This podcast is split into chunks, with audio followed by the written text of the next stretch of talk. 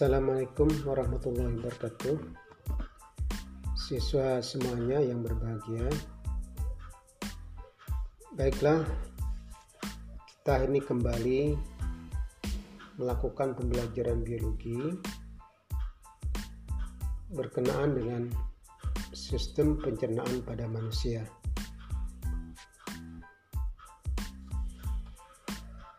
Sebelum kita melanjutkan mempelajari lebih lanjut tentang materi ini, Bapak ingin menyampaikan terlebih dulu berkenaan dengan kompetensi dasar. Kompetensi dasar pengetahuan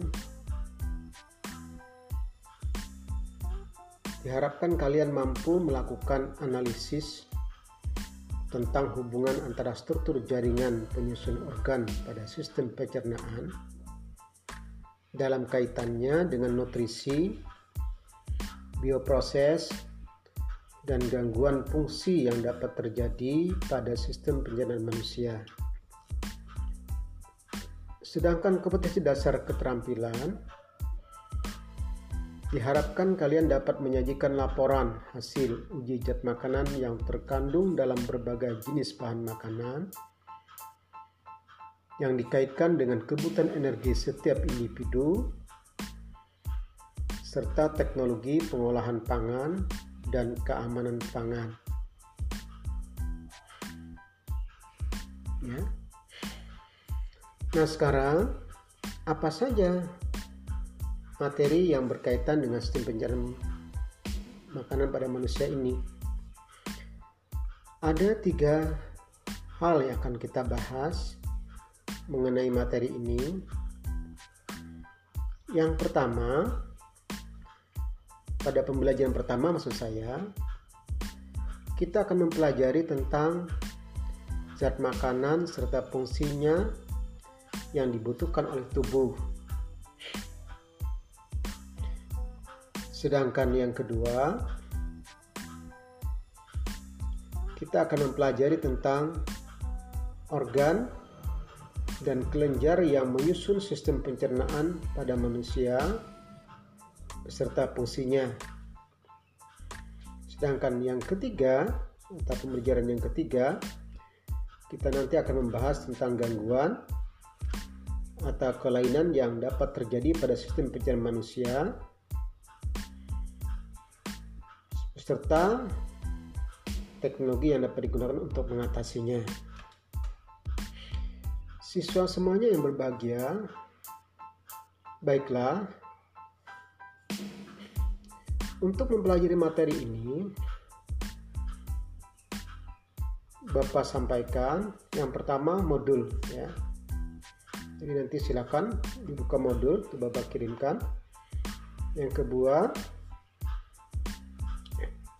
ikuti rekaman suara yang saya kirimkan ini sebagai pengantar dari materi tersebut. Baiklah semuanya, mari kita mulai mempelajari tentang materi pembelajaran 1. Silakan dibuka modulnya halaman 10 yang berkenaan dengan zat makanan. Nah, terlebih dulu coba kamu lihat mengenai tujuan pembelajarannya. Itu ada empat pada modul itu. Tujuan yang pertama adalah mengidentifikasi zat makanan yang dibutuhkan oleh tubuh manusia.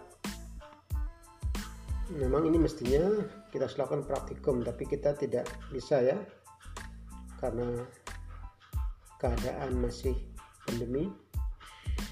Yang kedua, menjelaskan kandungan zat makanan yang diperlukan oleh tubuh manusia. Sedangkan tujuan yang ketiga, menguraikan fungsi zat makanan bagi tubuh manusia. Sedangkan yang keempat, mendeskripsikan dampak kekurangan gizi bagi tubuh manusia.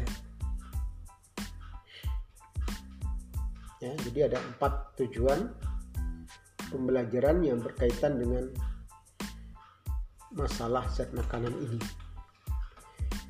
Siswa semuanya semua makhluk hidup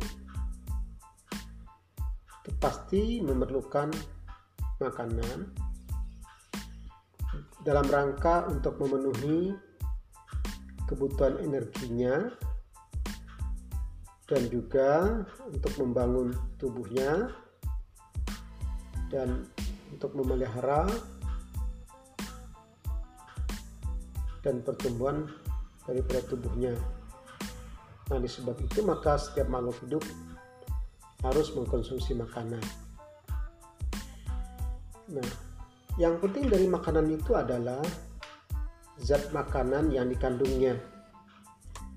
Apa itu zat makanan? Zat makanan itu adalah unsur-unsur yang terdapat dalam makanan yang diperlukan oleh tubuh makhluk hidup. Ya. Dalam rangka untuk mempertahankan kehidupannya. Nah, berkenaan dengan zat makanan yang terdapat dalam bahan makanan, itu dapat kita kelompokkan menjadi dua. Ada zat makanan yang bersifat makro, ada zat makanan yang bersifat mikro. Arti zat makanan yang bersifat makro itu artinya zat makanan yang diperlukan dalam jumlah yang banyak atau yang besar yang diperlukan oleh tubuh kita. Apa saja zat makanan yang termasuk makro tersebut?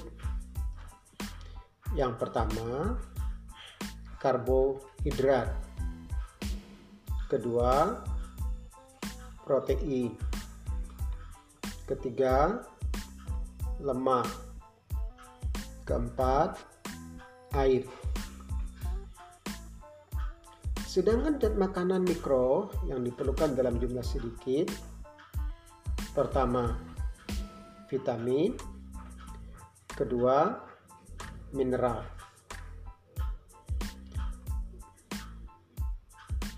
Nah, sekarang bagaimana tubuh kita mendapatkan zat makanan dari bahan makanan itu?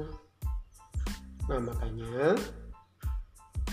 zat makanan itu harus kita peroleh melalui proses pencernaan makanan.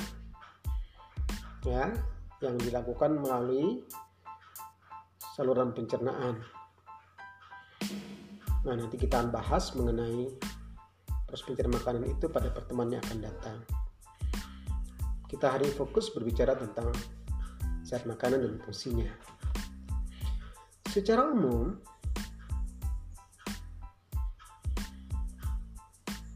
makanan yang kita makan itu berfungsi pertama untuk pertumbuhan dan perkembangan. Yang kedua, untuk pemeliharaan dan perbaikan sel-sel tubuh yang mengalami kerusakan atau tua. Kemudian mengatur metabolisme, ya, berfungsi dalam pengatur metabolisme saya. Kemudian yang keempat, sebagai penjaga keseimbangan cairan tubuh. Yang kelima, berguna untuk peran tubuh terhadap berbagai serangan penyakit. Dan yang keenam, sebagai penghasil energi. Ini secara umum. Baiklah siswa semuanya, mari kita sedikit bahas mengenai fungsi zat makanan ini. Dan perlu penjelasan nanti kalian baca modul itu secara cermat dan buku-buku paket lainnya ya buku-buku yang paket yang telah kalian pinjam itu nah yang pertama karbohidrat karbohidrat ini merupakan bahan atau zat yang biasanya banyak terdapat pada makanan pokok kita. Ya, seperti daripada nasi apalagi sagu ya. Jagung umbi-umbian fungsi utama daripada karbohidrat ini adalah sebagai sumber energi utama Ya, kemudian fungsinya yang lain itu sebagai bahan pembentuk secau pembentuk lemak dan protein.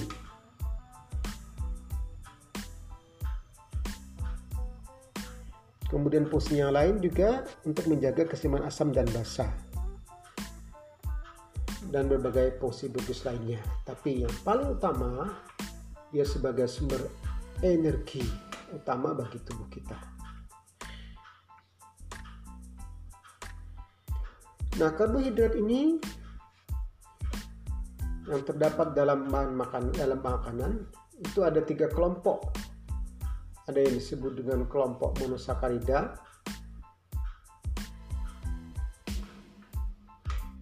ya itu bisa berupa glukosa, fruktosa dan galaktosa. Nah, karbohidrat jenis ini biasanya banyak kita peroleh dari buah-buahan. Ini adalah merupakan karbohidrat yang paling sederhana ini yang bisa diserap oleh darah untuk dikirim ke sel tubuh. Kemudian yang kedua, kelompok disakarida. Jenisnya ada berupa sokrosa, maltosa, dan laktosa. Nah, kalau karbohidrat sokrosa itu biasanya kita dapatkan dari gula pasir. Ya. Gula aren biasanya ya. Kemudian kalau maltosa biasanya kita dapatkan dalam biji-bijian. Bijian. Sedangkan laktosa biasanya kita dapatkan dari makanan susu hewan nah kemudian kelompok karbohidrat yang ketiga adalah polisakarida. Yaitu jenisnya berupa pati. Itu biasanya kita dapatkan dari umbian kemudian glikogen kita dapatkan dari jaringan otot hewan. Sedangkan selulosa biasanya kita dapatkan dari jaringan tumbuhan nah jadi dalam makanan kita itu harus mengandung cukup karbohidrat. Nah, kemudian yang berikutnya adalah protein. Protein itu juga pertama sebagai sumber energi, tapi yang paling utama sebagai zat pembangun tubuh. Kemudian sebagai pembentuk zat penting tubuh untuk hormon dan enzim serta untuk perbaikan dan pemeliharaan jaringan tubuh fungsi dari protein. Nah, protein ini biasanya bersumber dari dua, bisa protein hewani dan ada protein bersumber dari nabati atau tumbuhan. Nah, protein ini biasanya untuk bisa digunakan oleh tubuh maka harus dicernakan dulu menjadi asam amino. Ya, jadi asam amino. Nah, asam amino ini ada dua kelompok, ada asam amino esensial, artinya asam amino yang tidak dapat dibentuk dalam tubuh kita, jadi harus kita peroleh dari makanan. Kemudian yang kedua asam amino non esensial yang dasar yang dapat oleh tubuh kita, tapi juga dari bahan makanan yang masuk dalam tubuh kita. Nah, sekarang yang ketiga adalah lemak.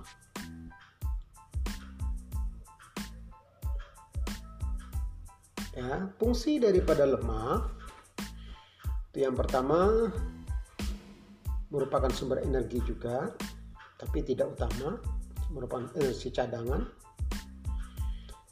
Kemudian sebagai pelarut vitamin A, D, E, dan K kemudian sebagai pelindung organ-organ tubuh dan juga sebagai pembangun bagian sel.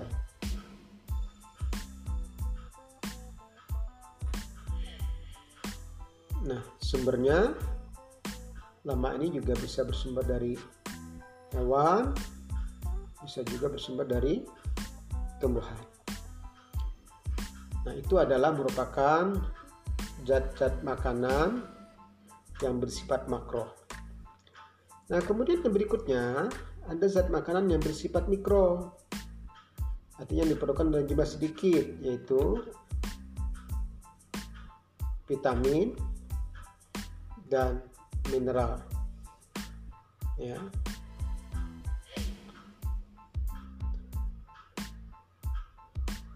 Nah, sekarang apa fungsi vitamin secara umum?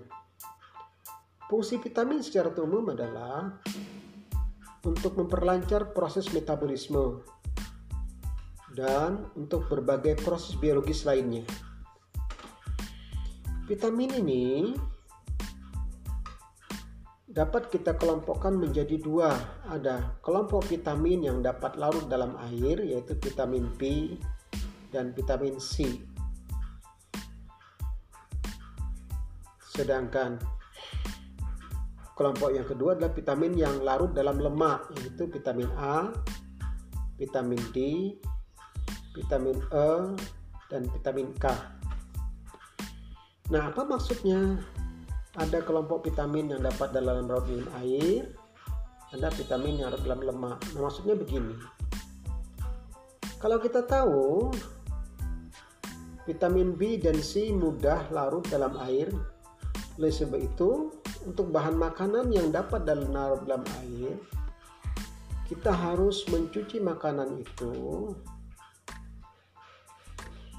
harus dengan cara yang benar. Ya.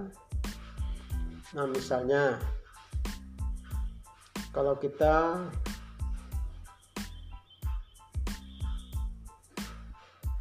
mengambil bahan makan dari mangga ya mangga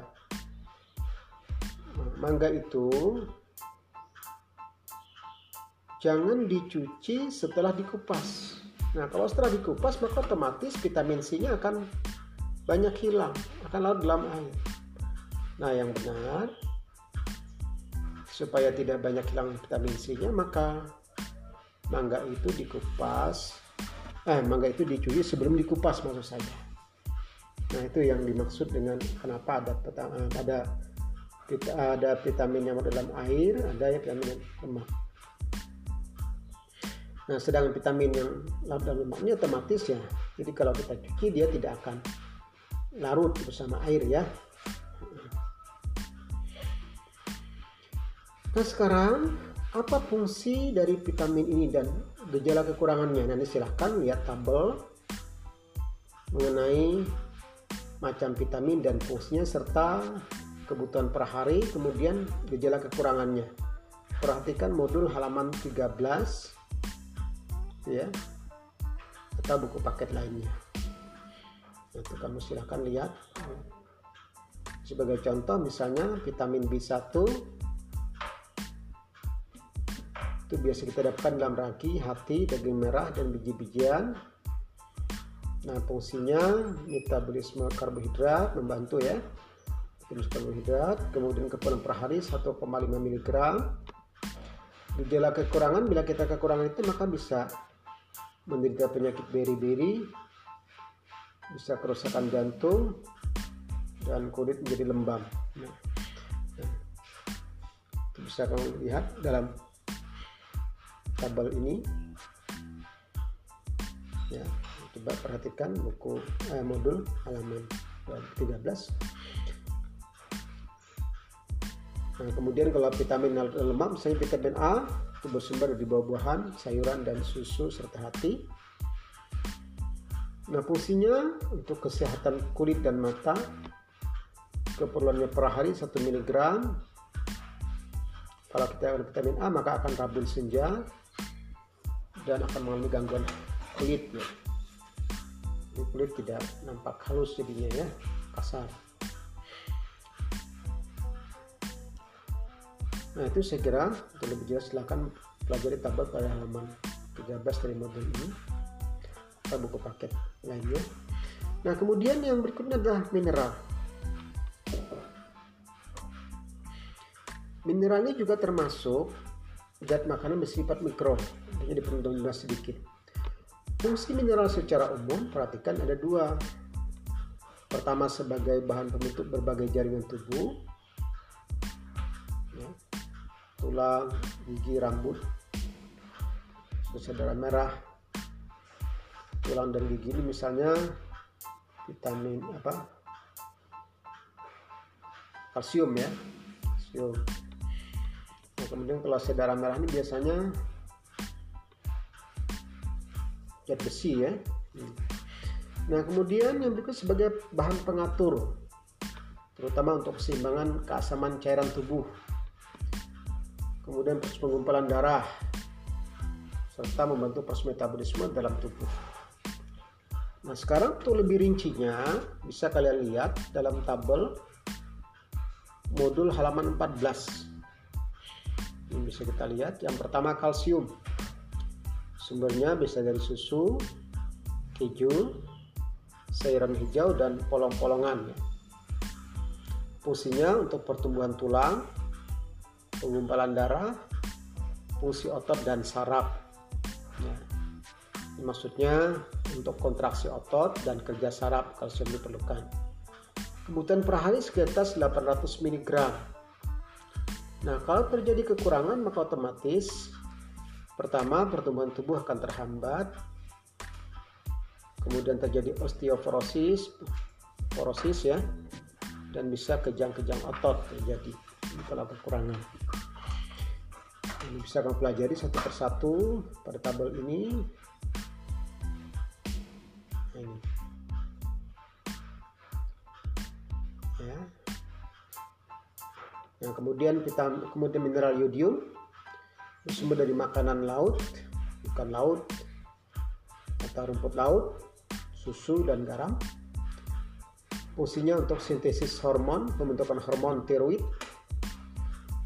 Kemudian bagian dari vitamin B12 yodium ini. Kebutuhannya kurang lebih 0,14 mg kalau terjadi kekurangan maka menderita gondok ya. Nah itu kalau kita kekurangan mineral yang namanya yodium. Nah sekira itu sisa semuanya. Untuk lebih nanti pelajari dengan baik materi ini.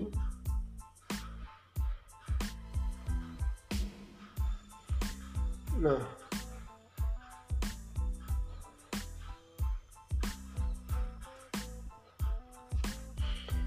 untuk tugas ya tugas pembelajaran sebagai bukti.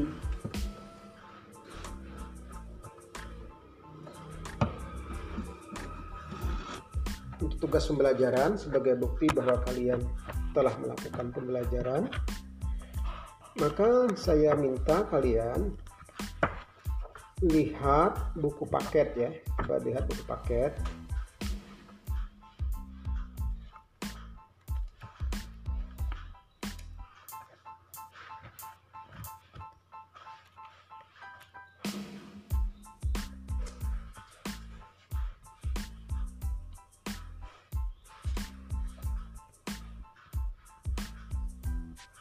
Lihat buku paket halaman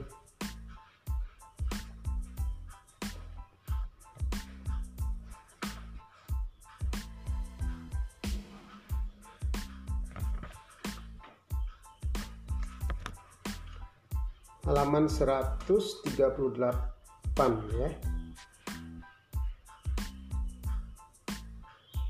38 139 situ mari bereksplorasi. Nah tugas kalian adalah menjawab pertanyaan itu ada tiga saja. Yang pertama apa yang dimaksud dengan pola makan menu makanan seimbang, BMI dan BMR. Itu silakan nanti dilihat pada buku paket halaman 138 139. Kemudian yang kedua, coba hitung nilai BMI dan BMR-mu berdasarkan informasi yang kamu peroleh. Ya. Yang ter terakhir, apa yang terjadi jika seseorang mengonsumsi makanan dengan kandungan kalori melebihi kebutuhan energinya. Itu saja tugas semuanya. Tugas untuk hari ini tiga pertanyaan saja. Jadi saya ulangi. Tugasnya adalah coba kamu jawab pertanyaan ini. pada buku paket halaman 138 139. Yang pertama apa yang dimaksud dengan pola makan? Menu makanan seimbang. Kemudian BMI dan BMR. Kemudian yang kedua, coba kamu hitung nilai BMI dan BMR-mu. Ya, berdasarkan informasi yang kamu peroleh yaitu dari buku paket itu ada halaman 139 itu ada contoh menghitung BMR-nya. Ya, BMR dan BMI kamu itu ada di situ. Dalam buku paket itu ada. Jadi kalau BMR itu halaman 139, BMI itu halaman 140 ya. Di situ. Terakhir, yang ketiga, apa yang akan terjadi jika seseorang mengkonsumsi makanan dengan kandungan kalori melebihi kebutuhan energinya? Ya. Terakhir yang perlu saya sampaikan adalah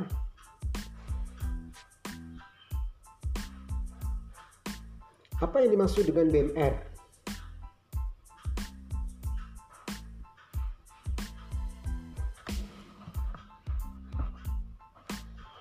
ya apa yang dimaksud dengan BMR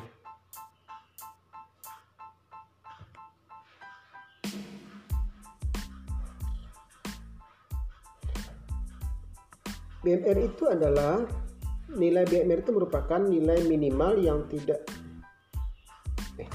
saya begini BMR itu adalah merupakan rata-rata metabolisme dasar ya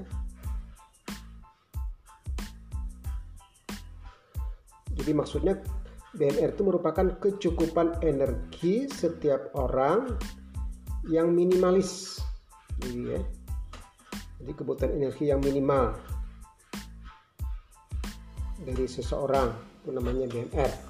Sedangkan BMI itu adalah merupakan perbandingan antara berat badan dengan kodrat tinggi badan. terhadap BMI.